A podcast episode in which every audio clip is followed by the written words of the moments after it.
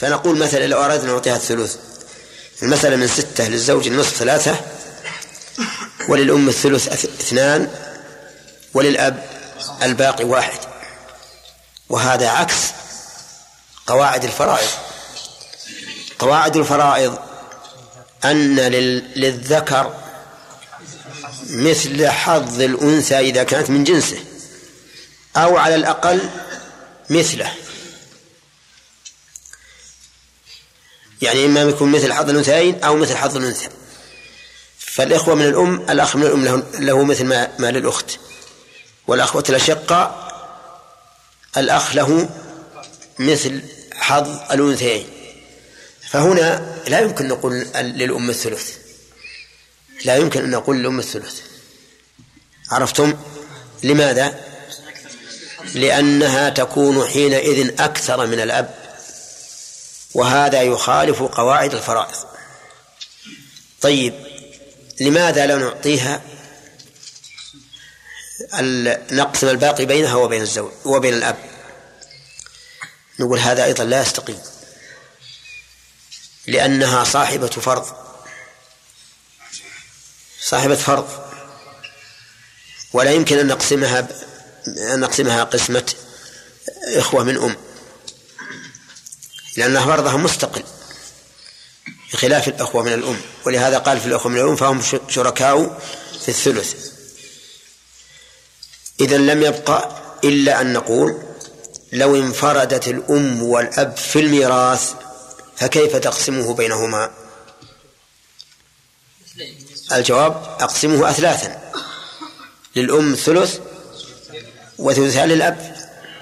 فنقول قدر أن الباقي بعد فرض الزوج كأنه مال مستقل فيكون للأم ثلثه والباقي للأب. ولهذا كانت هذه هذه القسمة في غاية ما يكون من القياس الصحيح.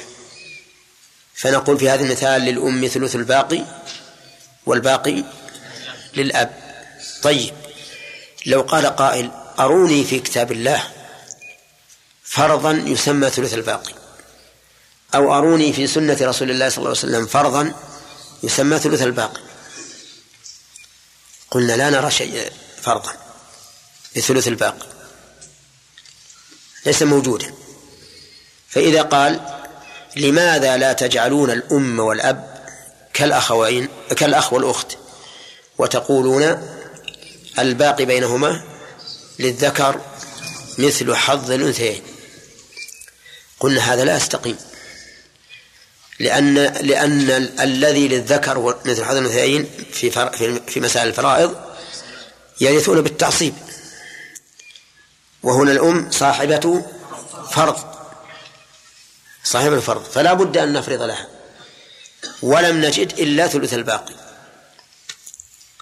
طيب المسألة الثانية من العمريتين هي هلك رجل عن زوجة وأم وأب.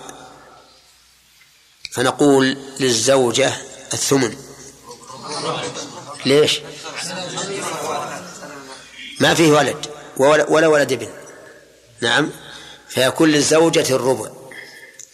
فالمسألة من أربعة للزوجة الربع وللأم ثلث الباقي. كم؟ واحد. والباقي للأب. ويساوي النصف. ونصيب الأم يساوي الربع. الربع. طيب. إذا ميراث الأم ثلاثة أقسام. ثلث كامل وسدس وثلث باقي. ثلث الباقي في العمريتين. وهما مسألتان لا ثالث لهما. السدس فيما إذا وجد عدد من الإخوة أو فرع وارث. يعني ولد أو ولد ابن. وإن نزل. الثلث كاملا فيما عدا ذلك. واضح؟ طيب. يلا عبد الله. إذا هلك إنسان عن أم وأب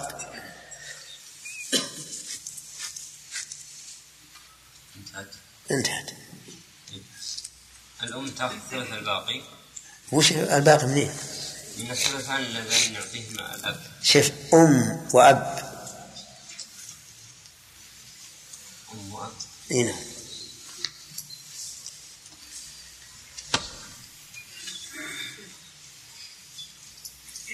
يلا أحمد. للأم الثلث. الثلث؟ نعم. تاما تم إي. لا لعدم وجود الفرع الثا- الوارث وأيضا المسألة ليست إحدى المريض لأنه لم يوجد فرع وارث. ولا ولا المسألة إحدى المريض ولا هي- الشروط ثلاثة. لم يوجد فرع وارث. ولا وجود آه، عدل اللحوم إيه ولا عدل من الإخوة وليست المسألة إحدى العمريتين. صح يا جماعة؟ طيب وإذا هلك هالك عن أم وابن؟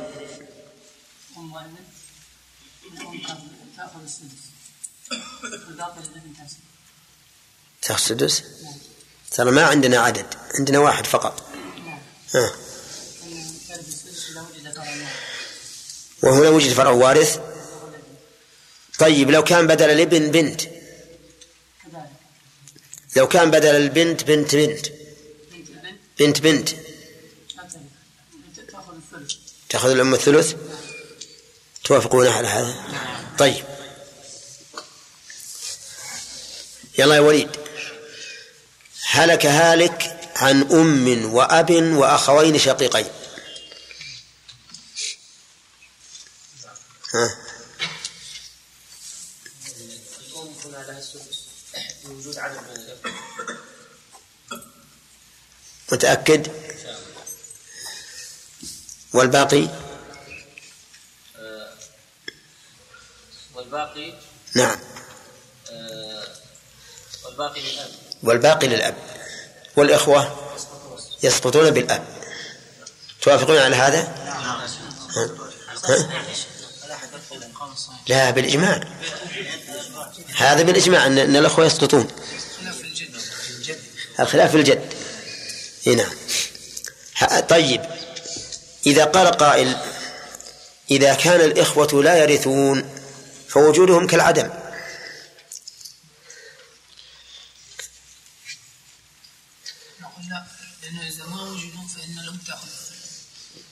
طيب هذا يقول ما دا- ما داموا لم يرثوا فوجودهم كالعدم. هم الآن لا يرثون بالإجماع. لكن إذا ما كانوا موجودين يا شيخ. تأخذ. هل هم موجودين الآن إيه، لذلك تأخذ السدس لكن إذا قال قائل الآن هم هم موجودون ووجودهم كالعدم لأنهم ما لهم دخل في التركة لكن يؤثر في أباهم ناب عنهم ها؟ أبوهم أبوهم ناب- عنهم يعني لولا لولا لولا لم يوجدوا إيه. لما أخذ الأب الباقي إيه. لكن إذا كان أبوهم ما يعرفهم وليسوا منتفعين منه بشيء. ثم لو كانوا عند الأب قلنا إذا إذا ورث الأب يبي ينتفع به الأبناء.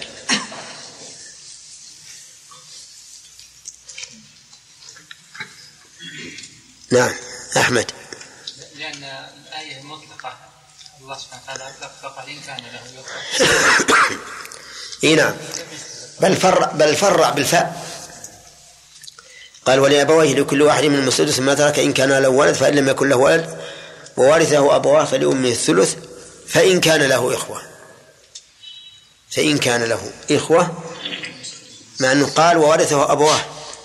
ومعلوم أنه إذا كان هناك أب فليس للإخوة ميراث.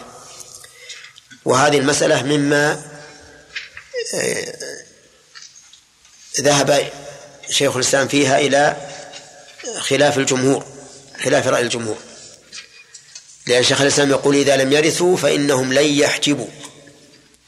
فيعطي الأم في هذا المثال الثلث كاملا. لأن الإرث انحصر فيها والأب. فتعطى الثلث. ولكن ظاهر الآية الكريمة خلاف هذا القول. وهو رأي الجمهور وهو الصحيح. أن الإخوة وإن لم يرثوا فإنهم يحسبون الأم من الثلث إلى السدس. طيب. نعم. ما توجيهه للآية توجيه الآية لعله يرى أن الفاء هنا ليست للتفريع يرى أنها للاستئناف ولكن على كل حال كل يؤخذ من قوله ويترك. بقينا الأم عرفنا ميراثها تماما. بقينا بالأب. الأب ميراثه أسهل من ميراث الأم لأن ميراثه إما سدس وإما تعصيب وإما سدس وتعصيب. إما سدس وتعصيب. إما سدس وإما تعصيب وإما الجمع بينهما سدس وتعصيب. طيب يكون له السدس بلا تعصيب إذا وجد فرع من الذكور. فرع وارث من الذكور. فهنا له سدس بلا تعصيب. له سدس بلا تعصيب. مثاله هلك هالك عن ابنه وأبيه. للأب السدس فرضا ولا يرث سواه. والباقي للابن.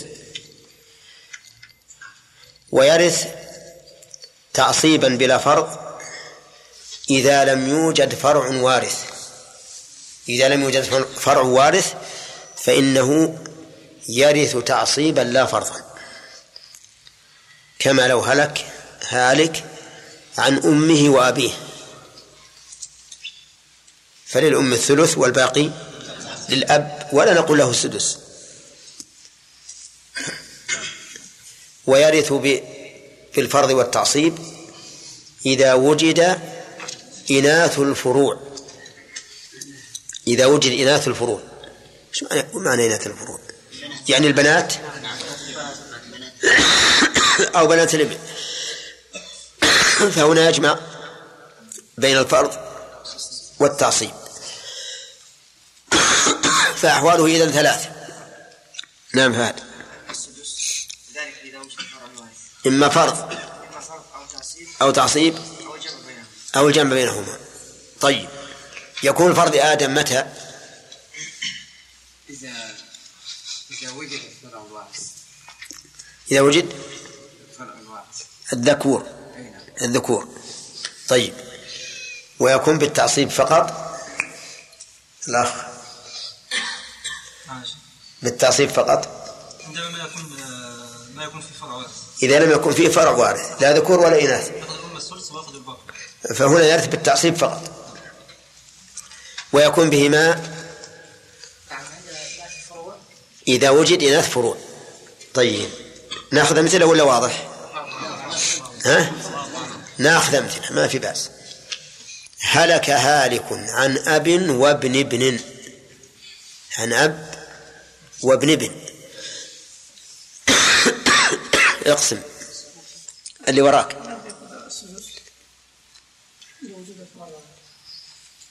لا ما نقول لوجود الفرع وارث له السدس لوجود الذكر من فرع وارث طيب. والباقي؟ ها؟ إي أنت فاهم إنه ابن؟ لا أنا أقول ابن ابن. ها؟ إيه، يختلف الحكم ولا لا؟ ابن الابن نازل درجة.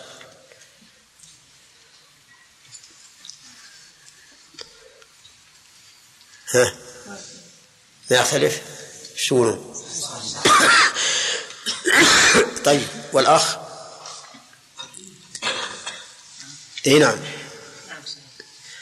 إذا هلك عن بنت وأب هل يرث هنا بالتعصيب أو بالفرض أو بهما؟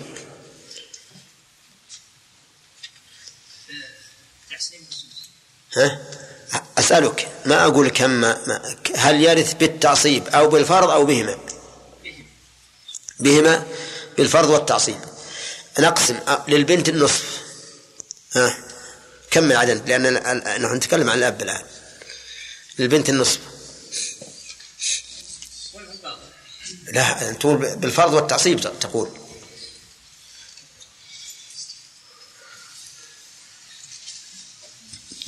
قلت لكم إن إن الأب أسهل من الأم لأن ما في فرض إلا فرض واحد بس وهو السدس. ها؟ أخذنا البنت النصف الآن. فماذا نقول؟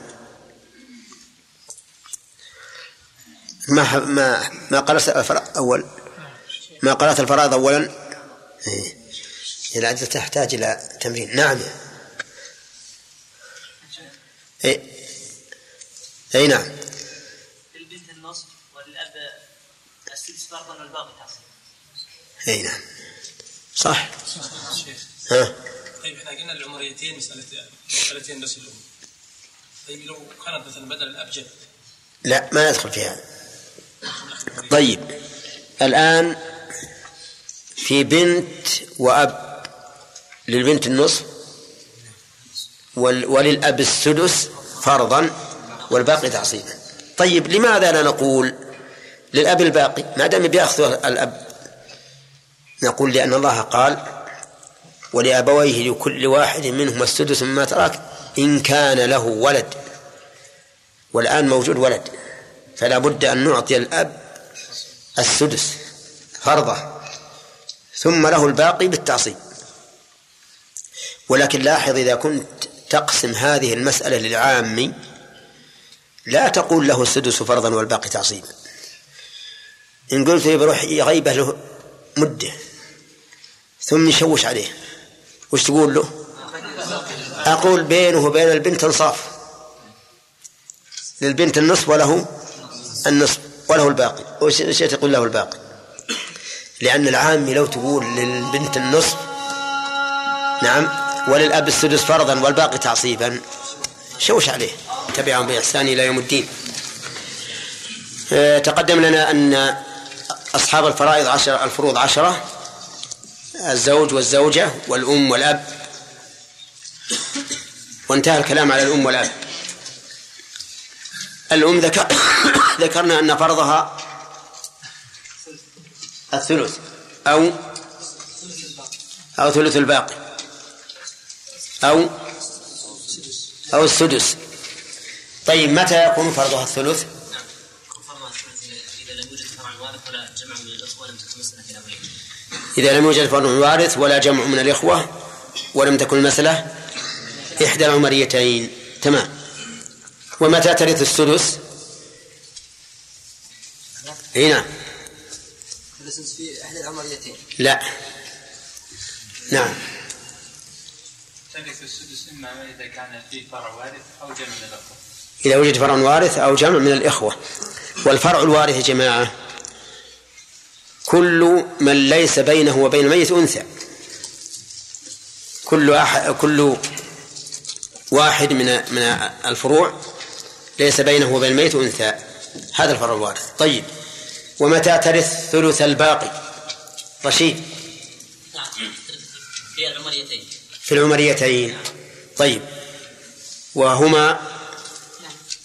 زوجة وأم وأب زوجة وأم وأب. زوجة وأم وأب. أو زوج وأم وأب. لماذا سميت العمريتين لأنه قضى فيهما عمر رضي الله عنه. أول من قضى. نعم أول من قضى. هنا أول من قضى فيهما عمر. طيب.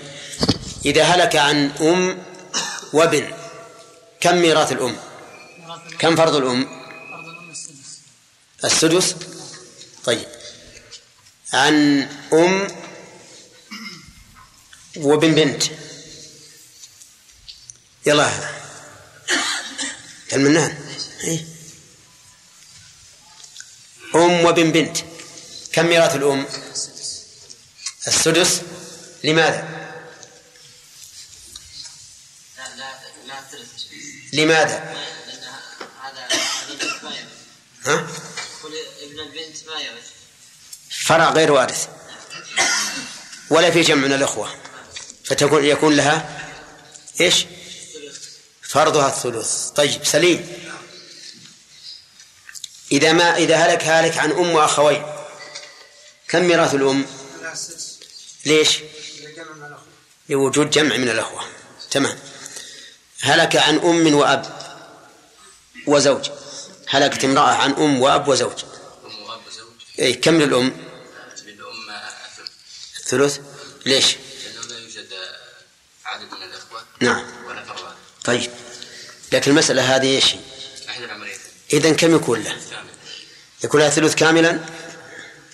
أحمد؟ طيب. الثلث الباقي ها. إيه. ثلث بعد حق الزوج ثلث الباقي بعد حق الزوج. صح. طيب. عن زوجة وأم وأب كم ميراث الأم؟ زوجة وأم وأب لهم ثلث الباقي. لأن المسألة إحدى العمريتين. طيب الأب ميراثه الأخ. نعم. السدس فقط. أو أو باقي له السدس فرضا بس. بس إيه. خطأ. نعم. يرث بالسدس يرث بالفرض يرث بالسدس عند وجود الفرع الوارث. يرث السدس فرضا. نعم. ويرث تعصيبا. ويرث بهما جميعا. بهما جميعا. طيب. متى يرث عبد الله؟ زيدان. متى يرث السدس فرضا؟ فقط. إذا وجد فرع وارث ابن من الذكور. من الذكور إذا وجد فرع وارث من الذكور فإن الأب لا يرث إلا السدس فقط فرضا. طيب. ومتى يرث بالتعصيب شيبة؟ يرث بالتعصيب آه، إن كان آه، لم يكن فيه فرع وارث يرث الباقي تعصيبا أقول متى متى؟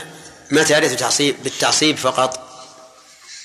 إن كان فيه آه، فرع وارث إن كان فيه فرع وارث. غير ال- ال- الأبناء. غير الأبناء؟ لا. كيف؟ إن كان فيه فرع وارث. إي نعم. وما بقي يرث. دعني مما بقي نسأل متى يرث بالتعصيب. إن إن كان فيه فرع وارث. إن إذا وجد فرع وارث. يرث بالتعصيب. يعني يرث بالتعصيب. عدم وجود الفرع الواحد إذا لم يوجد فرع وارث فإنه يرث بالتعصيب. صح؟ طيب. متى يرث بالفرض والتعصيب؟ حمد. إذا وجد فرع وارث مؤنث زين. إذا وجد إذا كان الم... إذا كان الفرع الوارث أنثى. إذا كان الفرع الوارث أنثى. طيب. إلى خالد. هلك عن أب وأم فهل يرث الأب هنا بالتعصيب أو؟ تعصيب لماذا؟ لأنه لا يوجد فرع وارث لأنه لا يوجد فرع وارث إيه. طيب آدم هلك عن بنت وأب فبماذا يرث؟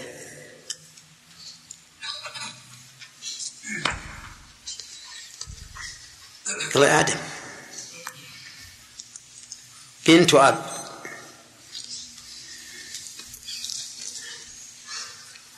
السلامة. يرث بالتعصيب وبالفرض والتعصيب. يرث بالفرض والتعصيب. ليش؟ لأن الفرع الوارث أنثى. لأن فرع الوارث أنثى. صح. طيب. هلك عن ابن وأب. بماذا يرث؟ يرث السدس بماذا يرث؟ لست أقول كم يرث. فرق بين بماذا يرث وفرق وأن أقول كم يرث. نعم يرث بالفرض. بالفرض فقط؟ فقط. لماذا؟ لأن هناك فرع وارث من الذكور. لأن هناك فرع وارث من الذكور. صحيح يا جماعة؟ واعلم أن فرضه لا يتجاوز السدس. فرض الأب لا يتجاوز السدس ولا ينقص عنه. بخلاف الأم. الأم ثلث وسدس وثلث باقي. لكن الجد الأب لا يرث ها؟ فرضا إلا سدس. سواء ورث بالفرض فقط أو بالفرض والتعصيب. تمام الآن؟ طيب ننتقل إلى الجد والجدة. الجد والجدة من أصحاب الفروض. الجد والجدة من أصحاب الفروض. أما الجد فدليله أنه أب. الجد أب. قال الله تعالى ملة أبيكم إبراهيم. أبيكم إبراهيم وهو ليس أبا للرسول وأصحابه. لأن بينه وبين الرسول عليه الصلاة والسلام آباء كثيرون. لكنه جد فسماه أبا وقال تعالى واتبعت ملة آبائي يقول يوسف. واتبعت ملة آبائي إبراهيم وإسحاق ويعقوب. ها؟ وإبراهيم أقول إبراهيم هو أبوه؟ جده. لكنه جعله أبا. فهذا هو الدليل على أن الجد يرث ميراث الأب. فإذا كان يرث ميراث الأب ففرضه السدس لا يزيد ولا ينقص. لكنه أحيانا يرث بالفرض. متى؟ إذا وجد وارث من الذكور. يرث بالفرض فقط. وبالتعصيب فقط إذا إذا لم يوجد فرع وارث وبالفرض والتعصيب إذا وجد إذا كان الفرع الوارث أنثى إذا كان الفرع الوارث أنثى فإنه يرث بالفرض والتعصيب عرفتم ولا لا؟ إذن الجد كالأب ولكن من المراد بالجد هنا؟ المراد به من لم يكن بينه وبين الميت أنثى. من لم يكن بينه وبين الميت أنثى.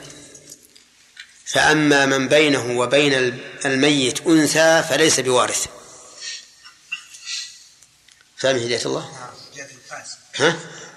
جد فاسد لا أعوذ بالله. سيف فاسد. استغفر الله يا أخي.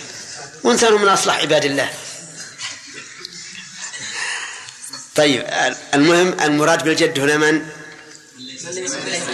من ليس بينه وبين الميت أنثى فأبو الأم لا يرث لأن بينه وبين الميت أنثى وأبو الجدة لا يرث. طيب أبو الأب وأبو الجد أبو الجد من قبل الأم من قبل الأب يرث. الحمد لله. صار ميراث الجد كميراث الأب. ولكن يجب أن تعلم أن الأم مع الجد في مسألة العمريتين ليست كالأم مع الأب. الأم مع الجد في العمريتين ليست كال ليست. كالأم مع الجد مع الأب. لأنها مع الجد ترث الثلث كاملا. ترث الثلث كاملا بالكم الاختلاف هنا في ميراث الأم ولا في ميراث الجد؟ في ميراث الأم.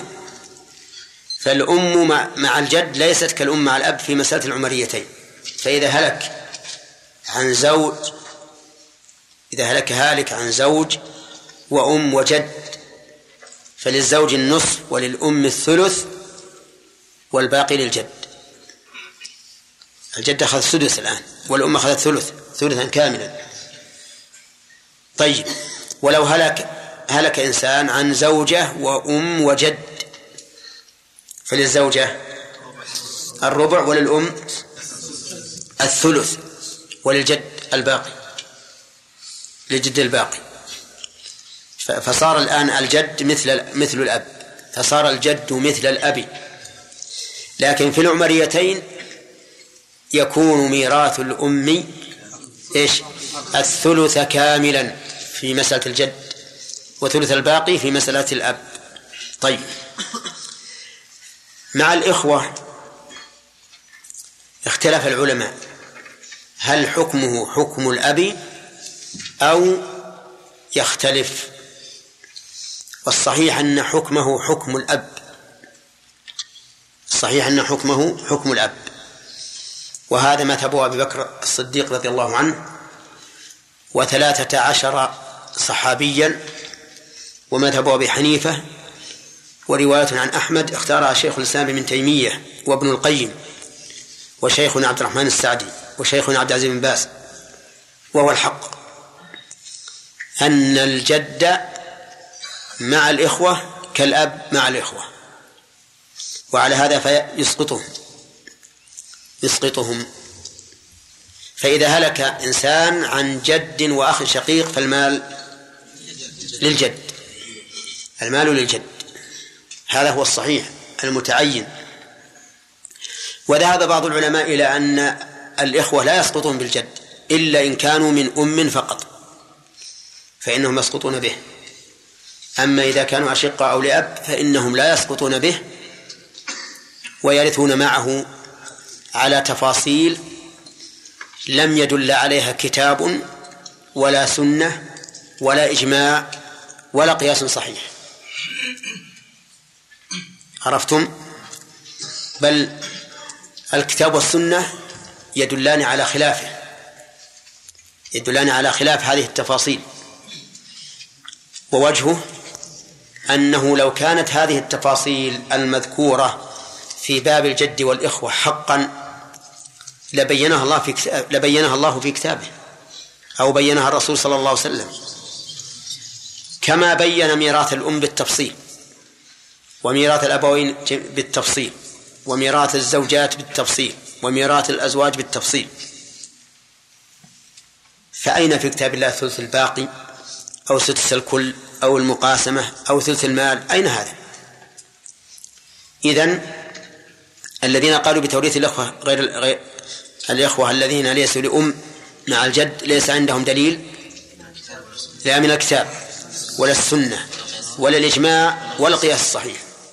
بل إن الكتاب والسنة يدلان على خلاف هذا القول. ووجه ذلك أنه لو كان حقا لبينه الله في الكتاب أو بينه الرسول صلى الله عليه وسلم في سنته لأنه تفاصيل يحتاج إلى إلى توقيف. فلما لم يبين علم أنه ليس من شريعة الله. هذا هو الحق.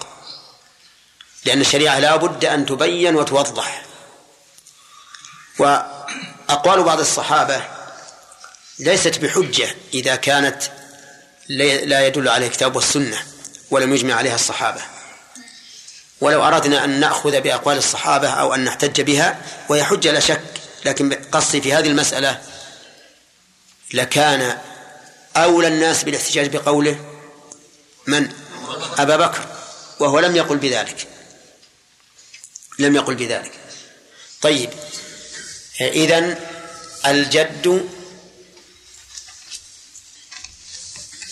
كالأب كالأب. إلا في باب الإخوة فإنه مع لغير أم فإن فيه خلافا والصحيح أنه كالجد.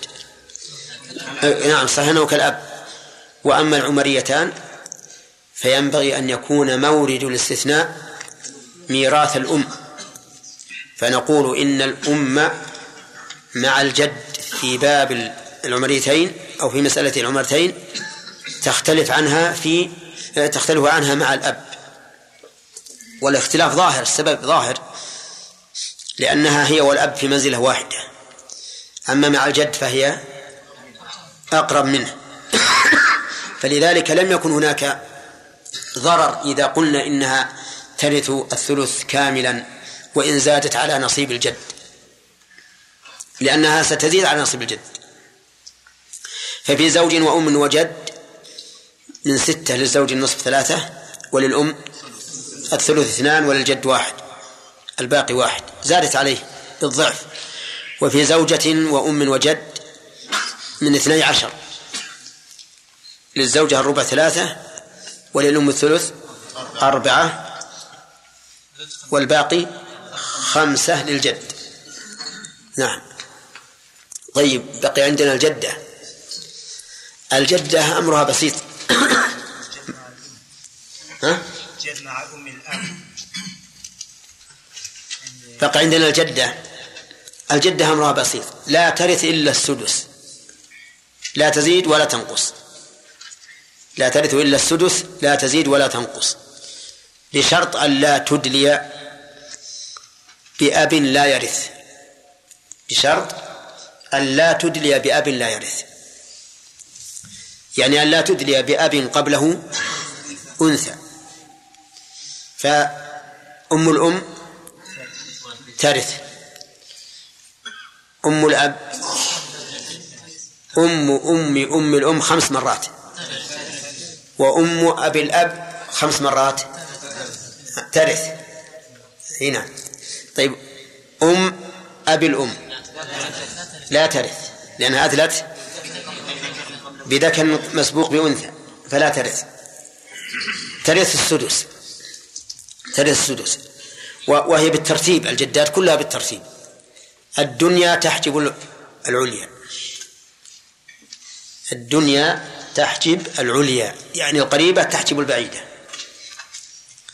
فأم أم تحجب أم الجد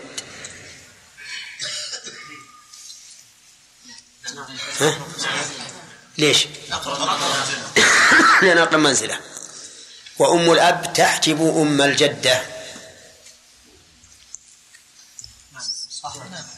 أم الأب تحجب أم الجدة أيهما أقرب؟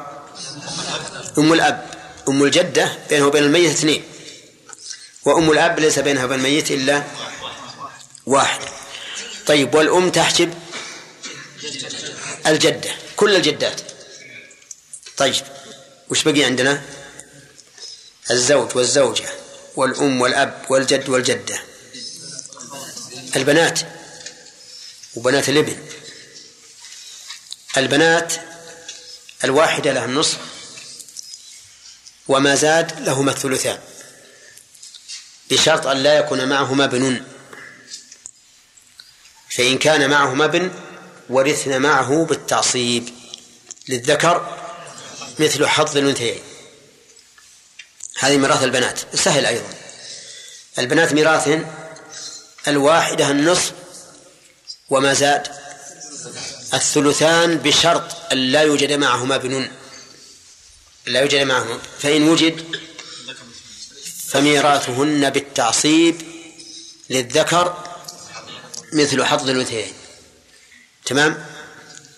طيب بنات الابن نفس الشيء. ميراثهن الواحد النصف وما زاد فالثلثان. لكن تزيد شرطا ثانيا بالنسبة للبنات. أن لا يوجد ابن ابن ابن بدرجتهن. أن لا يوجد ابن ابن بدرجتهن وأن لا يكون فوقهن فرع وارث. كم الشرطين؟ شرطين. أن لا يوجد ابن ابن بدرجتهن. ولا فرع أعلى منهن. ولا فرع وارث أعلى منهن. خلاص؟ ما في غير هذا. طيب. الأخوات الشقيقات والأخوات الأب. الأخوات الشقيقات والأخوات الأب سهل أيضا. الواحدة النصف وما زاد فالثلثان. وما زاد فالثلثان. لكن بشروط ثلاثة. انتبهوا له وبسألكم إن شاء الله الليلة القادمة الشروط ثلاثة. أن لا يوجد أخ شقيق ولا أصل ذكر ولا فرع مطلقا ذكر أو أنثى. ميراث الأخوات الشقيقات ما هو؟ الواحد النصف وما زاد الثلثان بشروط ثلاثة. أن لا يوجد أخ شقيق. أن لا يوجد أصل ذكر. أن لا يوجد فرع مطلقا. ذكر أنثى. طيب. زوج وأخت. للزوج. النصف وللأخت. النصف. زوج وأختان. للزوج النصف وللأختين. الثلثان وتعول المسألة. طيب. الأخوات لأب. أيضا سهل أمرها. للواحدة النصف ولمن زاد. الثلثان. لكن بشروط أربعة. بشروط أربعة. أن لا يوجد أخ لأب. أن لا يوجد أصل من الذكور. أن لا يوجد فرع مطلقة أن لا يوجد أحد من الأشقاء. أن لا يوجد أحد من الأشقاء. فالشروط أربعة. والأصناف اللي ذكرنا الآن من النساء كم؟ أربعة. البنات وبنات الابن والأخوات الشقيقات والأخوات الأب. الشروط على حسب هذا الترتيب. البنات رقم واحد الشرط فيهن واحد. بنات الابن رقم اثنين الشرط اثنان. الأخوات الشقيقات رقم ثلاثة الشروط ثلاثة. الأخوات لأب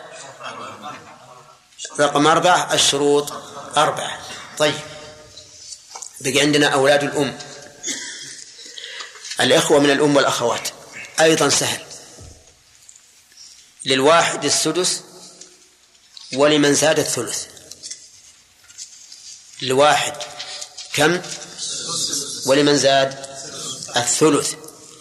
لكن بشرطين. أن لا يوجد فرع وارث ولا أصل من الذكور وارث.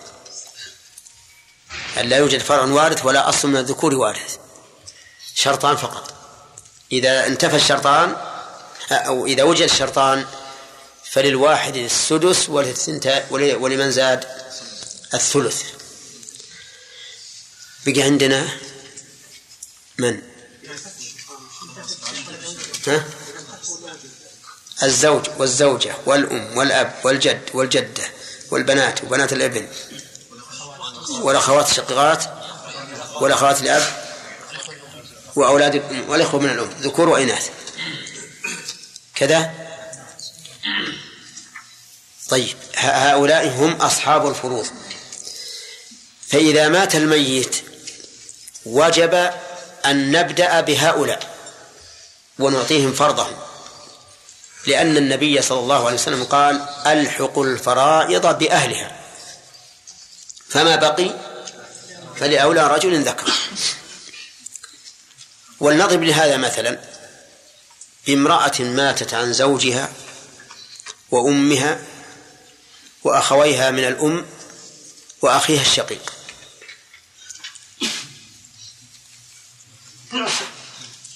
معروف المسألة؟ زوجها وأمها وأخويها من أمها وأخيها الشقيق. نقول نبدأ بالفرائض قبل كل شيء. الزوج في هذا المثال كم له؟ النصف. ليش؟ ما في فرع وارث. استكمل الشروط ما هو بجواب يا ولد. كل واحد يقول استكمل الشروط بس لأنه لا يوجد فرع, فرع وارث. كذا؟ طيب. الأم السدس. لأنها استكملت الشروط. آه. لوجود عدد من الإخوة. ليس لها إلا السدس لأن فيه عدد من الإخوة. أخوين من أم وأخ شقيق ثلاثة أيضا. لها السدس. الأخوان من الأم. ثلث؟ لاستكمال نعم لأنه ليس في فرع وارث ولا أصل من الذكور وارث وهم متعددون. اثنان فأكثر. اثنان. لهما الثلث. كم هذه؟ نصف وسدس وثلث. استكملت. إحنا نجعلها مثلا من ستة علشان يتضح. للزوج النصف ثلاثة. وللأم السدس واحد. وللأخوين من الأم الثلث اثنان. طيب هذه ستة. ما بك شيء. التركة ستة ملايين. أخذ الزوج ثلاثة ملايين والأم مليون والأخ من الأم مليونين والأخ من الشقيق. نقول يكفيك أن نعزيك. نعم يكفيك أن نعزيك. طيب لماذا؟ كيف ما يأخذ؟ نقول لأن النبي عليه الصلاة والسلام قال ألحقوا الفرائض بأهلها. فما بقي فلأولى رجل ذكر. أنت أولى رجل ذكر لا شك. لكننا لم نجد لك شيئا. ألحقنا الفرائض بأهلها فأعطينا الزوج نصيبه والأم نصيبها والأخ من الأم نصيبهم ولا بقي شيء. فأدلى علينا بقياس. قال إذا كان الإخوة من الأم مدلين بجهة واحدة وهي الأمومة وأنا مدل بجهتين وهي الأمومة والأبوة فأنا أحق بالميراث منهما. فماذا نقول؟ نقول له أولا أنه لا قياس مع النص. ولا تفكر أننا نلغي مدلول النص من أجل قياسك لأن نعلم أن قياسك فاسد. كل قياس يخالف النص فهو فاسد. هذه واحدة. ثانيا أن قياسك هذا لا يضطرد لا يضطرد أرأيت لو كان فيه بنت بدل الأم؟ هل يرث الإخوة من الأم شيئا؟ وأنت؟ ترث أو لا؟ ترث. كيف القياس؟ ثانيا لو فرضنا أن الميتة هذه ماتت عن زوجها وأخويها من أمها وثلاثة إخوة شقة. زوجها وأخويها من أمها وثلاثة إخوة شقة. لكانت المسألة من ستة لزوجها النصف ثلاثة ولأخويه من أمها الثلث كم؟ اثنان. والباقي واحد. لمن؟ للأشقة الثلاثة. بإجماع المسلمين هذه. هذه بإجماع المسلمين. ليس لك للأخوة الأشقة وهم ثلاثة إلا واحد يعني نصف ما للأخوين من الأم. أين القياس؟ فإذا نقول هذا قياس فاسد قياس مصادم للنص فلا عبرة به. طيب لو قال كما يذكر أن أحد الأشقة لما تحاكموا إلى عمر قالوا يا أمير المؤمنين هب أبانا كان حمارا. أنا أنا ما أظنها تصح عن هذا عن عمر عن هذا الرجل. لأنه لو قال هذا أمام عمر لم يجد إلا الدر فوق رأسه. كيف أبوك حمار؟ علشان المال. نعم نقول هذا غير صحيح. لأن الوصف الذي علق الشارع الحكم به لا يتغير. وأنت من أصحاب التعصيب. إن بقي لك شيء فهو حقك وإن لم يبقى شيء فليس لك شيء. واضح؟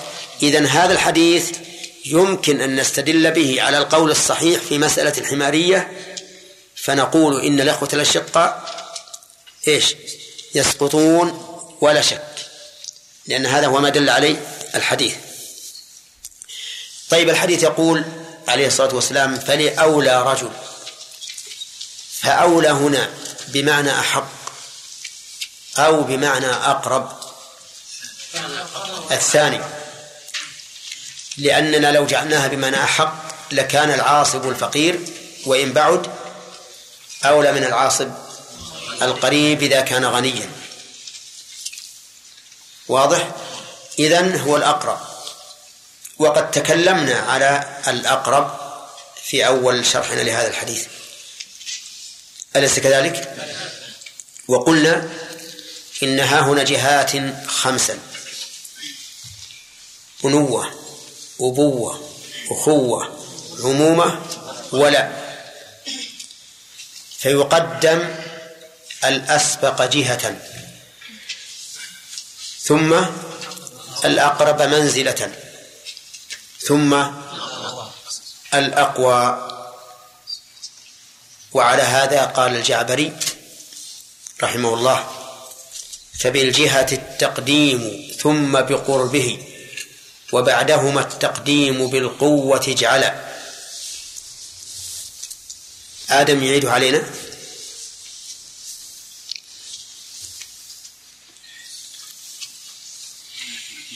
نعيدها نعيدها.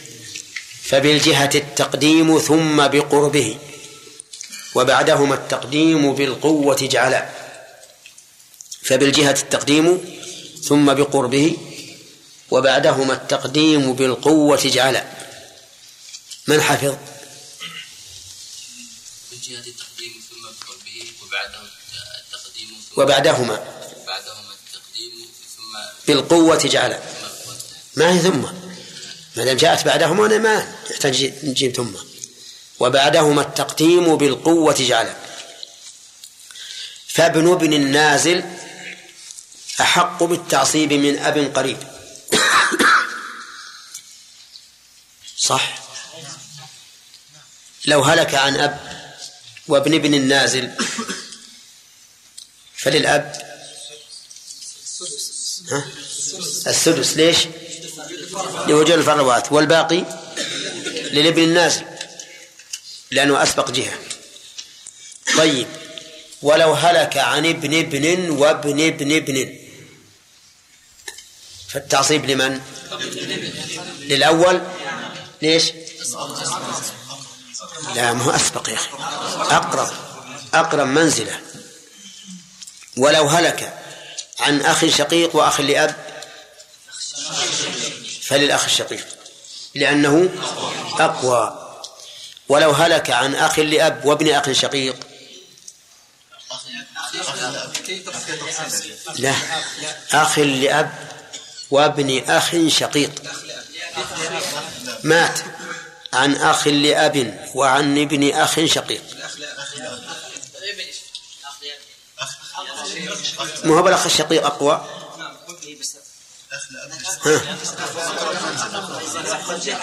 لكن الأخ لأب أقرب منزلة أليس كذلك؟ الأخ لأب يجمع بينه وبين الميت من؟ الأب وابن الأخ الشقيق يجمع بينه وبين الميت الجد جد ابن الأخ الشقيق أليس كذلك؟ إذن المال التعصيب لمن؟ للأخ لأب طيب ابن أخ لأب وابن أخ شقيق لابن الأخ الشقيق لأنه أقوى. ابن شقيق وابن لأب. ما يمكن؟ إيه. ما يمكن. إذن القوة لا تكون إلا في الأخوة والعمومة فقط. لا تكون القوة إلا في الأخوة والعمومة فقط. تمام؟ طيب. آه ابن ابن ابن عم نازل. وعم أب. ابن. ابن. ابن. ابن عم. شقيق. وعم أب شقيق. للأول. هذا عم. عم أبوك. ما بينك وبينه إلا الأبو. آه نشوف نشوف اللي يجمعهم لأن القرب يعتبر في البطن الذي يجتمعان فيه. القرب يعتبر في البطن الذي يجتمعان فيه. فالآن ابن ابن العم النازل تجتمع معه بالجد. صح؟ ابن العم النازل تجتمع معه في الجد. وعم الأب تجتمع معه بأبي الجد. إذن تجتمع مع هذا أقرب بأب أقرب. ولهذا قال بعض الفقهاء رحمهم الله قاعدة مفيدة. قال لا يرث بنو أب أعلى مع بني أب أقرب وإن نزلوا. وذي قاعدة مفيدة لطالب العلم. لا يرث بنو أب أعلى مع بني أب أقرب وإن نزلوا. من اللي نزلوا؟ بنو أبي الأقرب. الأب الأقرب. يعني لو جاء ابن ابن ابن ابن ابن عم في الدرجة العاشرة. وعم أب فالمال للأول لأنه يجتمع معك في أب أقرب. واضح؟ طيب. صار العصبة أيضا سهل موضوعه. العصبة خمس جهات. بنوة ثم أبوة ثم أخوة ثم عمومة. ثم ولاء فنقدم في التعصيب الأسبق جهة.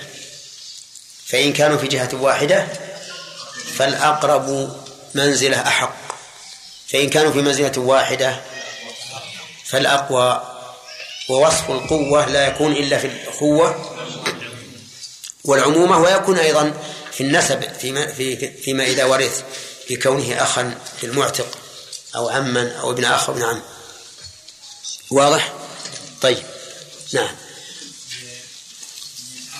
جد أخذنا اختلاف مع الأب في أربع مواد هل هي صحيح ولا يلا ما هي؟ إثنان كما ذكرنا. إثنين كما ذكرنا. ما هما؟ يعني في كما في العمريتين و الأخوة. والثاني آه، أم الأب. والثالث أم الأب. يسقط بالأب ولا يسقط بالجد إيه. والثالث ابن الولا. آه، يسقط ابن الولا يسقط الأب على الاختلاف ويسقط الجد. اي لا هذه هذه مسألة خلافية. مذهبنا لا يستثنى. المسألتين الأخيرتين ما يستثنى. هنا نعم. الجد في العمريتين إيش؟ يقول في الجد. أنه كالاب في كل المسائل. يستثنون في العمريتين نعم. والقول الثاني أنهم يحتجون بنفس المسألة هذه علينا ما يحتجون. لأن قلت قبل قليل كيف نركز على أن الاختلاف ليس في مسألة الأب والجد. الاختلاف في ميراث الأم. وهي أنها تعطى مع الأب النصيب كاملا. والسبب واضح الفرق واضح. لأننا إنما أعطيناها ثلث الباقي مع الأب لكونها معه في درجة واحدة. لكن مع الجد لا شك أن الأقرب يعطى كاملا. ما يمكن ينقص الأقرب من أجل الأبعد. هنا ما فيها دليل. نعم. أحسن الله الأم هي الثلث الباقي هي العمرية لماذا ما نقول في هذه المسألة؟ تأخذ الثلث ونقول النصوص عامة إلا في هذه المسألة. وين العامة وين العامة إن نعطيها الثلث لأن النصوص عامة. ما ذكر مثلا ذكر الله في الأولاد وفي الإخوة. لكن نقول قاعدة الفرائض. أما النص عام في أن الأم لا ثلث مع الأب لا. ها؟ هذا خاص؟ وذاك عام هذه المسألة خاص؟ لا ما في أصل ما في دليل على أن الأم في في زوج وأم وأب. لها الثلث. لأن الله اشترط في الثلث قال وورثه أبواه.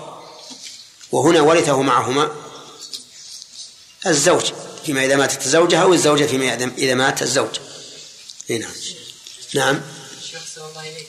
إذا كنا نقول مثل- أن التضعيف هذا إنما يكون في الأبناء والإخوة. فكيف نعطي فيما إذا انفرد الأب والأم نعطي الأب ثلثين والأم ثلث؟ هذا بنص القرآن. بنص مستثنى فإن لم يكن له ولد وورثه أبواه فالأم الثلث. لكن ما قال الله للذكر مثل حظ الأنثيين لأن الأب والأم يختلفان. بخلاف الأخوة أخ وأخت واحد من جنس واحد. ابن وبنت من جنس واحد. نعم. طيب. ما تقول يا أنت. ابن ابن ابن عم شقيق وابن ابن عم لأب. أنت. لا اللي وراك. ها؟ ابن ابن ابن أبي سعيد نعم. وابن ابن عم لأب. للأول. لماذا؟ لأنه أقوى. وجمال؟ ماذا يقول؟ ما انتبهت. الترتيب ابن ابن هو المثال اللي أعطينا زميلك.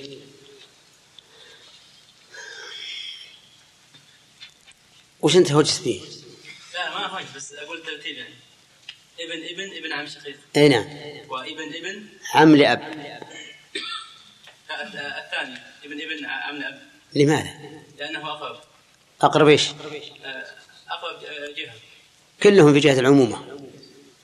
ولاحظ أن الجهة ما يقال فيها أقرب يقال فيها أسبق لا أقول أقرب من إي لماذا؟ لأنه بين بينه وبين الميت اثنان وذاك ثلاثة توافقون؟ نعم. اي طيب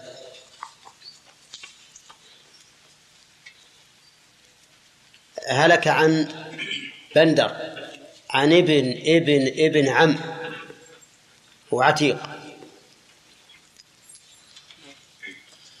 ابن العم النازل لماذا؟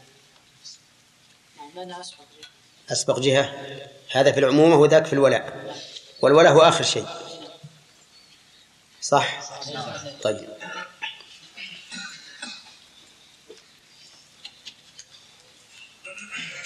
آه، ما تقول يا خالد في ابن أخ شقيق وأخ لأب أخ لا هو أقرب منزلة من الأخ ابن أخ شقيق وأخ لأب. الكسر طيب.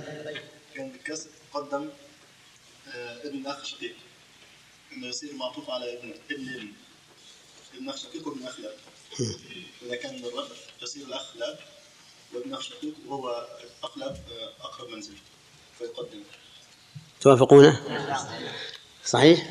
أي نعم صح. ولهذا نقول إذا قال قائل ابن أخ شقيق وأخ لأب نقول حرك أخ. إن قال وأخ لأب فالمال للأخ لأب. وإن قال وأخ لأب فالمال لابن الأخ الشقيق. أي نعم. طيب. أظن انتهينا إن شاء الله من الحديث. فهمنا أصحاب الفروض عشرة والعصبة خمس جهات. يقدم الأسبق جهة ثم الأقرب منزلة ثم الأقوى وعلمنا أنه لا قوة في الأصول والفروع القوة في الحواشي من الإخوة. من الإخوة والأعمام طيب وفهمنا أن الحديث يدل على سقوط الإخوة الأشقاء في المسألة تسمى المشركة وبعضهم يسميها الحمارية وبعضهم يسميها اليمية. وخالد بينها لنا. ما هي المشركة؟ المشركة هذه وجود الإخوة الأشقاء مع ما هي؟ صورتها. صورتها هلك هالك عن هلك هالك هلكت امرأة نعم. عن زوجها وأمها وأخويها من أمها وأخوها الشقيق. اقسم. اقسم على مقتضى الحديث. نعم. للزوج النص. المسألة من؟ المسألة من ستة. نعم. لل... للزوج النصف ثلاثة. وللأم الثلث واحد. النصف ليش النصف لعدم الفرع الوارث للزوجة. لعدم إيه. وجود الفرع الوارث للزوجة. نعم. فيكون للزوج ثلاثة. ويكون للأم الثلث لوجود جمع من الأخوة. وللأخوين من أم الثلث آه، لعدم الفرع الوارث ولعدم الأصل. لتمام الشروط وهي كم الثلث؟ الثلث اثنان نعم. نعم. والأخ الشقيق؟ نقول يكفيك أن نعزيك تمام. ليش؟ لأن الفروض استكملت الآن ولم يبقى شيء. ولم يبقى شيء. تمام. طيب. ننتقل الآن إلى حديث جديد. قال وعن أسامة بن زيد رضي الله عنه أن النبي صلى الله عليه وسلم قال رضي الله عنه والقاعدة أن يقال رضي الله عنهما لأن أباه زيدا صحابي جليل. وعن أسامة بن زيد رضي الله عنهما أن رسول الله صلى الله عليه وسلم قال لا يرث المسلم الكافر ولا الكافر المسلم. لا يرث نفي هنا بمعنى النهي بمعنى أنه لا يجوز أن يرث الكافر المسلم الكافر ولو كان قريبه ولا يرث الكافر المسلم ولو كان قريبه طيب. مثال ذلك رجل مسلم أبوه نصراني. مات الرجل المسلم فإن أباه لا يرثه لأن الكافر لا يرث المسلم. مات الأب النصراني وله ولدان أحدهما مسلم والثاني نصراني. فميراثه لولده النصراني لا لولده المسلم لأن المسلم لا يرث الكافر. فإذا قال, لماذا؟ ما الحكمة؟ الحكمة لأن الأصل في الميراث أنه مبني على الموالاة والنصرة.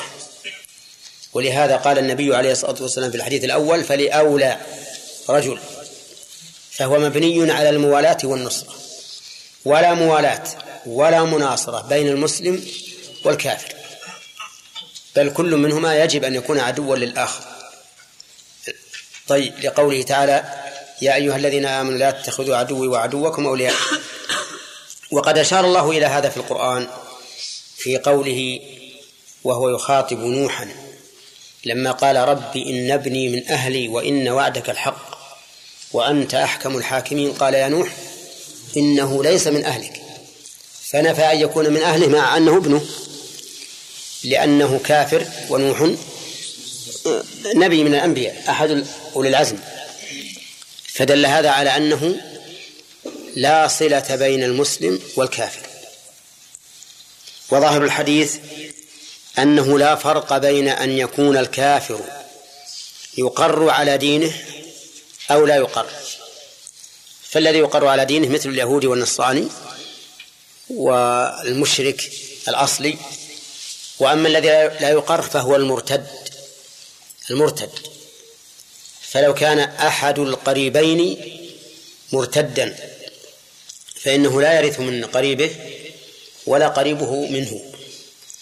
ومثاله وهو كثير في وقتنا الحاضر رجل لا يصلي. رجل لا يصلي. فمات له ابن مسلم خلف ملايين. وله عم لهذا الولد المسلم. عم. فمن الذي يرثه؟ عمه. أما أبوه فلا يرث. لماذا؟ نقول لأنه غير مسلم. هو كافر والابن مسلم. وقد قال النبي عليه الصلاة والسلام لا يرث الكافر المسلم ولا المسلم الكافر. فظاهر الحديث أنه لا فرق بين أن يكون الكافر أصليا يقر على دينه أو مرتدا لا يقر على دينه لأن الحديث عام. لا يرث المسلم الكافر ولا الكافر المسلم. طيب. استثنى بعض العلماء ما إذا أسلم قبل قسمة التركة. فإنه يرث ترغيبا له في الإسلام. مثال هذا رجل هلك عن أبناء وزوجة وأحد أبنائه لا يصلي. فهذا الذي لا يصلي ليس له ميراث لكنه قبل أن تقسم التركة هداه الله وصلى. فاستثنى بعض العلماء هذه المسألة. وقال إذا أسلم قبل أن تقسم التركة فإنه يعطى ميراثه. لماذا؟ قال قالوا ترغيبا له في الإسلام. ترغيبا له في الإسلام. ولكن الصحيح أنه لا يعطى شيئا. لأن الحديث حديث أسامة عام. والترغيب في الإسلام ينبغي أن نقول للورثة أعطوا هذا الذي أسلم نصيبه من الميراث لتنالوا الأجر. فإن ذلك لا شك يرغبه في الإسلام. فالصواب أن هذا ليس له ميراث لعموم الحديث ولأننا يمكن أن نناقض هذا التعليل فنقول قد يسلم ظاهرا من أجل أن يحوز الإرث ثم إذا حازه كفر رجع على ما كان عليه. فهذه المصلحة تقابل بمفسدة ولكنه لا شك أنه إذا أسلم فإنه ينبغي لنا أن نحث الورثة على أن يعطوه نصيبه لما في ذلك من التأليف على الإسلام والتآلف بين الأنام طيب استثنى بعض العلماء أيضا الولاء فقالوا إن الولاء يورث به حتى مع الكفر. فلو كان السيد كافرا ومات عتيقه وليس له وارث سواه فإن السيد يعطى من الميراث. ولكن هذا القول ضعيف لأنهم استدلوا بعموم قول النبي صلى الله عليه وسلم إنما الولاء لمن أعتق. وهذا الاستدلال ضعيف لأن هذا الحديث فيه بيان أن الولاء سبب من أسباب الإرث. فإذا أردنا أن نحتج بهذا العموم قلنا أيضا إن الله قال يوصيكم الله في أولادكم للذكر مثل حظ الأنثيين. فاستدلوا بهذه الآية على أنه لا مانع من الإرث مع اختلاف الدين. فالاستدلال بهذا الحديث ضعيف والصحيح أنه لا ميراث مع اختلاف الدين ولو بالولاء. الدليل عموم الحديث لا يرث المسلم الكافر ولا الكافر المسلم. واستثنى بعض العلماء المرتد فقال إنه يورث ولا يرث. يورث ولا يرث. واستدل من قال بذلك بأن الصحابة رضي الله عنهم ورثوا ورثة المرتدين الذين ارتدوا بعد الرسول صلى الله عليه وسلم. ولكن هذا الاستثناء أيضا ضعيف لأن عموم الحديث لا لا يخصصه إلا نص أو إجماع ولا إجماع في المسألة ولا نص فالواجب إبقاء الحديث على عمومه وأن المرتد لا يرثه أحد من أقاربه آه، ويذهب بيته آه، ويذهب ماله لبيت المال. واستثنى بعض العلماء المنافقين. قال فإنه يجري التوارث بينهم وبين المؤمنين لأن النبي صلى الله عليه وسلم عاملهم معاملة المسلمين ظاهرا. وهذا الاستثناء صحيح فيما إذا لم يعلم نفاقه. أما إذا علم نفاقه واشتهر وأعلنه فإنه كافر ولا يرث المسلم الكافر ولا الكافر المسلم. لكن إذا كان لا لا يعلن نفاقه فإنه يجري التوارث بينه وبين أقاربه المسلمين لأن النبي صلى الله عليه وسلم كان يعامل المنافقين معاملة المسلمين. إذن فلا يستثنى من هذا الحديث إلا المنافق إلا المنافق الذي لم يظهر نفاقه. طيب. هذا الحديث يسميه العلماء موانع الإرث. يعني أنه إذا وجدت أسباب الإرث لكن وجد مانع فإنه لا توارث. فإنه لا توارث.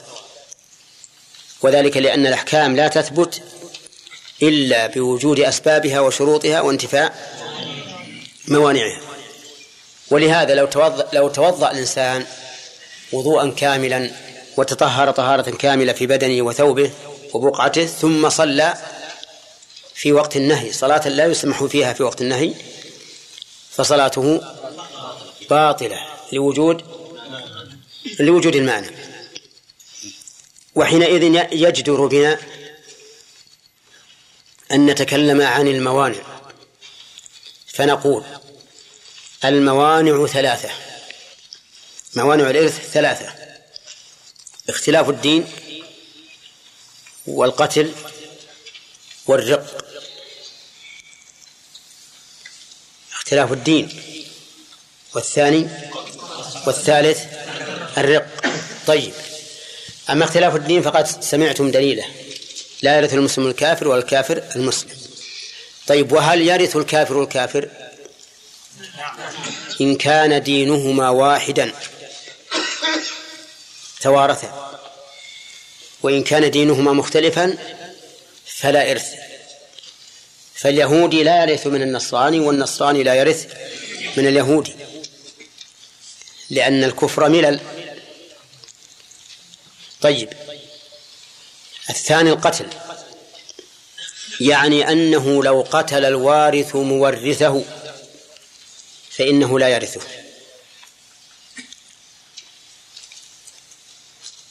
عرفتم؟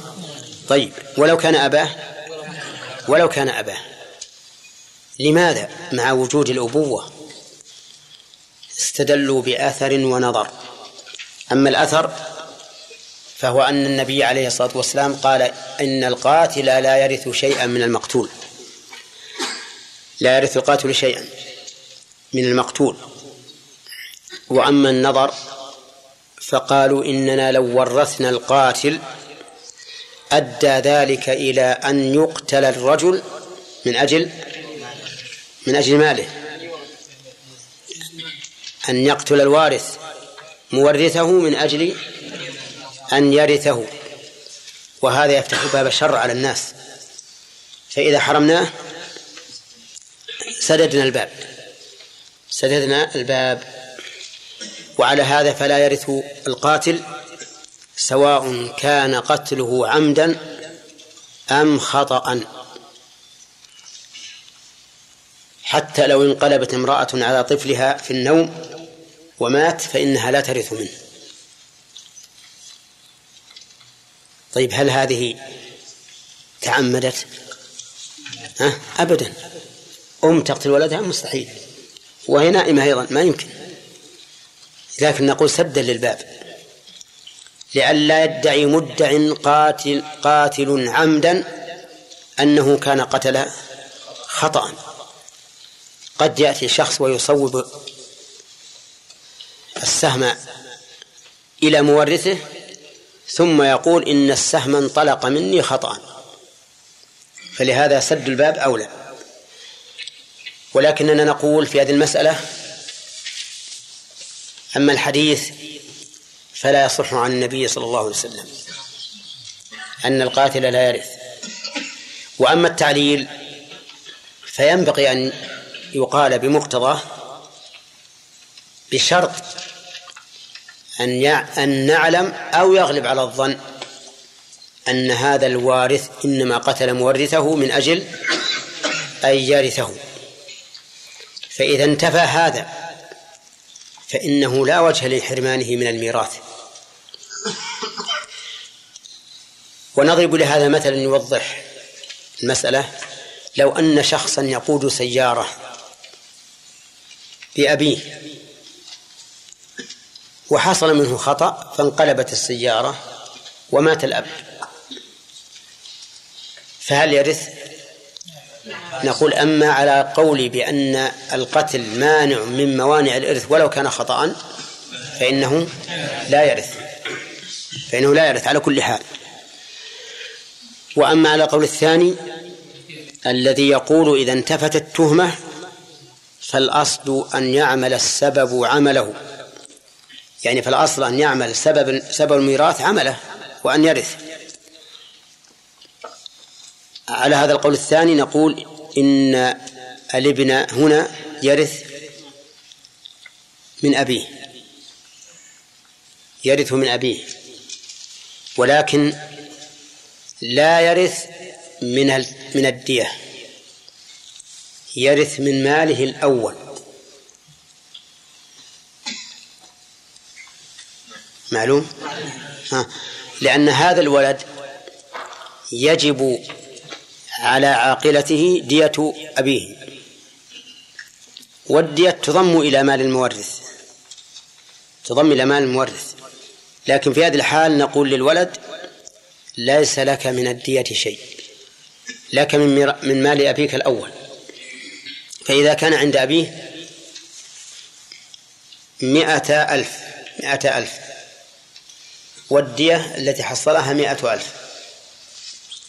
يرث الابن من ها من مئتي الألف دون مئة الألف التي هي الدية.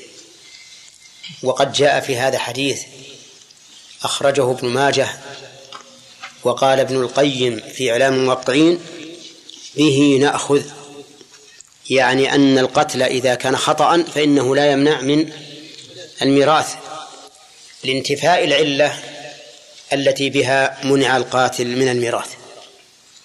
وهذا القول هو الصحيح أن القاتل خطأ يرث يرث من المقتول. طيب أما إذا تعمد مثل أن يكون ابن, ابن عم وعند ابن عمه مال كثير وهو فقير ويأتي لابن عمه يقول أعطني درهما أشتري به خبزا للفطور والغداء فيقول لا. نعم فقال له يتهدده. ثم قتله ففي هذه الحال يرث أو لا؟ لا يرث قطعا. هذا لا يرث قطعا لأن الرجل علم أنه يريد المال. ومن القواعد المقررة عند الفقهاء من تعجل شيئا قبل أوانه عوقب بحرمانه. من تعجل شيئا قبل أوانه عوقب بحرمانه. وعلى آله وأصحابه أجمعين. قوله صلى الله عليه وسلم لا يرث المسلم الكافر ولا الكافر المسلم. هل هذا على عمومه يا داود؟ يا ابن داود. نعم. اشياء لكن العموم طيب. ما هو ما هو وجه تصحيحك لهذا العموم؟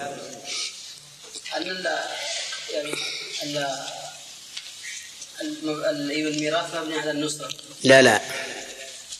على أنها الحديث عام. ولا والذي استثنوا بها الأدلة لا تأش اسمه. نحن نريد أن نأخذ قاعدة في هذه المسألة. نعم. قلنا هذا الحديث عام. أي نعم. ولا إيش اسمه. يعني ما ورد عن الشارع عاما لا يخصصه إلا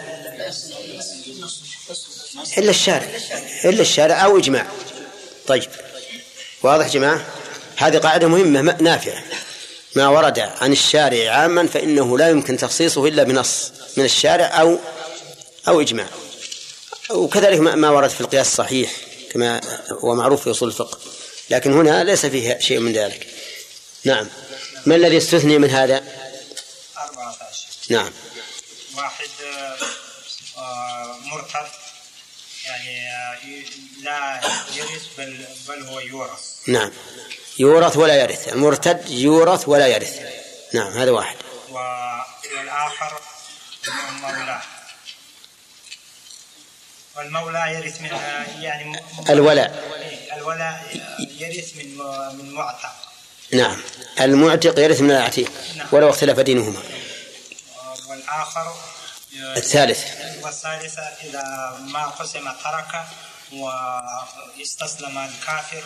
استسلم ولا أسلم؟ أسلم. أسلم. أسلم الكافر. يرث ترغيبا للإسلام. قبل قسم التركة. قبل قسم الثالث نعم. والرابع؟ والرابع. لقد لقد أسلم ثلاث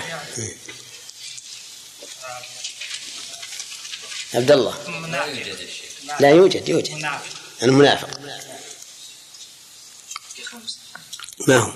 مسلم قريب ولا هذه ما ذكرناها. ما ذكرناها. لا ما ذكرناها. اللي ما ذكر ما, ما ذكر. طيب عندنا الآن آه، ما ما هو وجه استثناء من أسلم قبل قسم التركة؟ قالوا إن إنما إذا أعطيناه قبل قسم التركة وكان قد أسلم فإن في ذلك ترغيب الإسلام يرغبه بذلك الإسلام. قالوا إن هذا يرغبه في الإسلام. طيب هل هذا التعليل يمكن أن ينقض؟ نعم. آه. لأنه يمكن أن يصلي ويسلم فيما إذا كان ترك الصلاة. يمكن بعد ذلك أن يرجع إلى ما يعني يمكن أن يسلم من أجل أن يأخذ نصيبه من الميراث. أي. نعم. فيتهم. طيب. الثانية.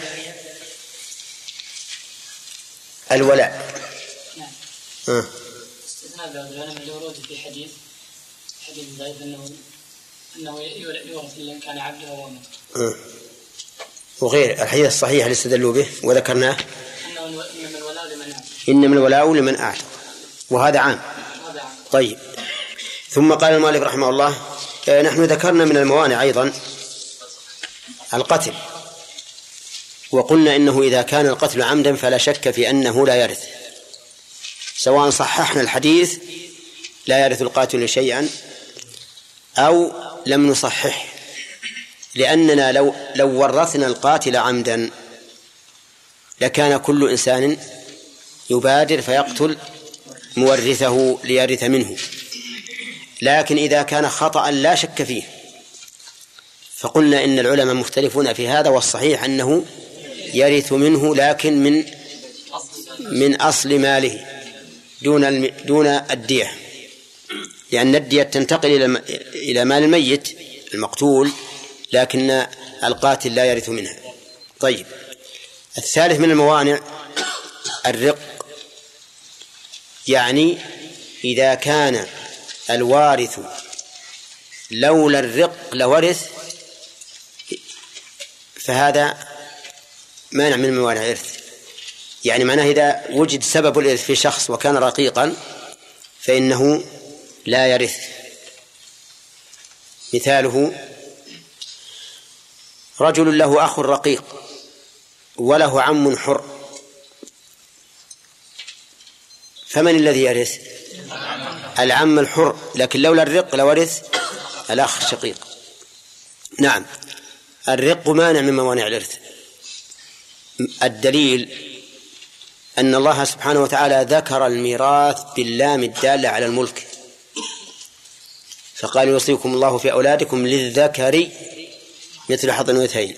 وقال ولكم نصف ما ترك أزواجكم ولهن الربع مما تركتم ولأبويه لكل واحد منهما السدس و وإذا كانت إذا كان استحقاق الوارث للإرث بالملك فإن الرقيق لا يملك لأنه ملك لسيده والدليل على أن الرقيق لا يملك قول النبي صلى الله عليه وسلم من باع عبدا وله مال فماله للذي باعه إلا أن يشترطه المبتاع. يعني المشتري فقوله ماله للذي باعه يدل على أن العبد لا يملك وبناء عليه لو ورثنا العبد المملوك من قريبه لكانت ثمرة الميراث لمن؟ ها؟ لسيده وهو أجنبي من المي من الميت ولهذا نقول أن الثالث من موانع الإرث ما هو؟ الرق يعني أن الرقيق لا يرث. وهل يورث؟ لا لا يورث لأنه ليس له مال حتى يورث. ماله لسيده. آه، نرجع مرة ثانية نقول هذه الموانع تنقسم إلى قسمين. مانع من جانب واحد ومانع من الجانبين. فاختلاف الدين مانع من الجانبين يعني أن من خالفك في الدين لا يرث منك ولا ترث منه. القتل من جانب واحد يعني أنه لا يرث القاتل ولكن المقتول يرث من القاتل. المقتول يرث من القاتل. كذا يا هداية الله؟ يمكن هذا كيف؟ يعني أولاده بعد لا لا ما هو بأولاده. المقتول يرث من القاتل والقاتل لا يرث من المقتول. يتصور هذا بأن يجرحه القاتل جرحا موحيا يعني معناه موت مميت. يجرحه جرحا مميتا. ثم يموت القاتل بسكتة أو حادث أو غير قبل أن يموت المجروح. حينئذ يكون المقتول وارثا للقاتل. ممكن هذا؟ إذن القتل مانع من جانب واحد وهو جانب القتل.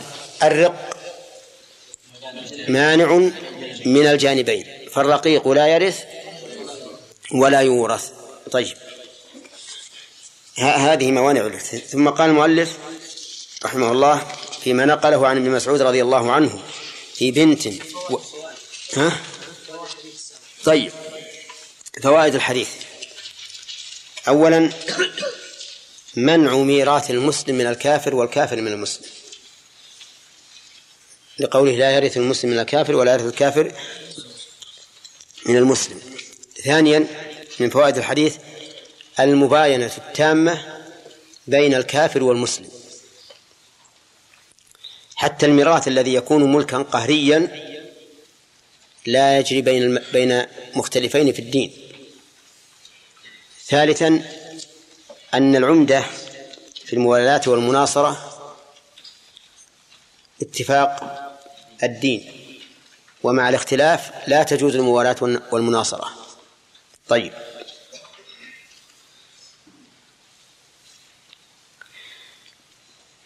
ثالثا رابعا أن المسلم يرث من المسلم.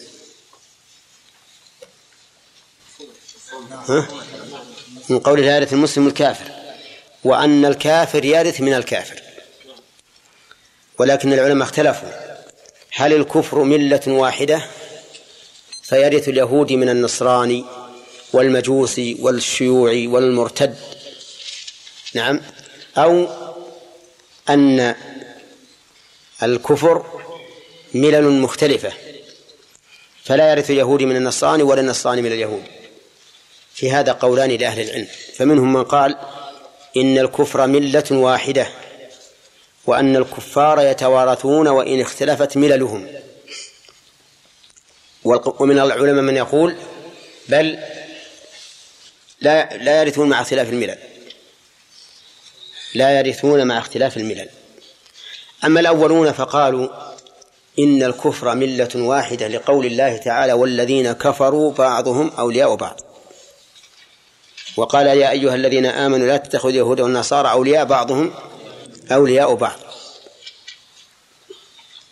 وأما الذين قالوا إنهم ملل مختلفة ولا يتواثون فقالوا إن الله قال وقالت اليهود ليست النصارى على شيء. وقالت النصارى ليست اليهود على شيء. فتبرأ كل منهم من الآخر من حيث الدين.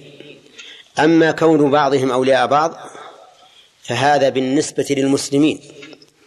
فهم أولياء بعضهم لبعض على من؟ على المسلمين. أما في بي فيما بينهم فلا. وهذا هو الصحيح. الصحيح أن الملل أن الكفر ملل مختلفة.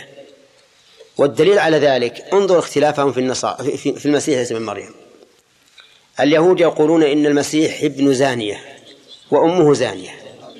قاتلهم الله. والنصارى يقولون إنه إله وأمه إله. فرق عظيم.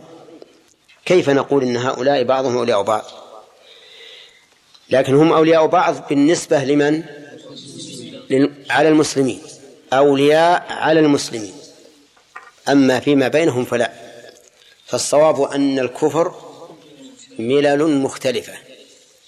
طيب.